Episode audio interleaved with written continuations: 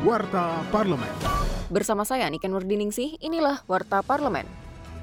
Menyikapi temuan kasus gangguan ginjal akut pada anak, anggota Komisi 9 DPR RI Neti Prasetyani Aher meminta pemerintah menggencarkan edukasi publik. Hal ini penting karena masih banyak masyarakat yang belum mengenali gejala dan tindakan yang harus dilakukan jika anak-anak mengalami penyakit tersebut. Ia menambahkan jika masyarakat tidak mengenali gejalanya, maka penanganan akan terlambat dan bisa berujung kematian. Neti juga meminta agar pemerintah secara ketat mengawasi peredaran obat batuk asal India yang diduga menjadi penyebab gagal ginjal pada anak di negara Gambia.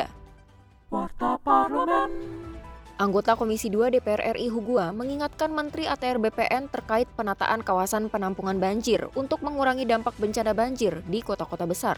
Di provinsi terutama. Banyak sekali waduk-waduk ini yang menurut saya banyak sekali gubernur, bupati, wali kota Indonesia belum memikir itu. Padahal banjir semakin terancam persoalan ini. Bahkan banyak rawa-rawa di kota itu akan segera diisi oleh para pengembang. Dan ini sangat berbahaya buat bangsa ini ke depan.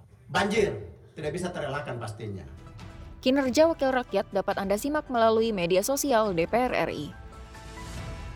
Anggota Komisi 11 DPR RI Anis Biarwati mengatakan pemerintah harus memprioritaskan UMKM sebagai upaya menghadapi resesi global. Menurutnya untuk menghadapi resesi tidak cukup dengan mengandalkan bantuan sosial saja, tetapi juga harus menggerakkan dunia usaha. Anis juga menilai pentingnya peran UMKM dalam keberlangsungan ekonomi masyarakat. UMKM merupakan tulang punggung perekonomian. Untuk itu ia meminta pemerintah memberikan kemudahan akses permodalan bagi para penggiat UMKM. Televisi Radio Parlemen.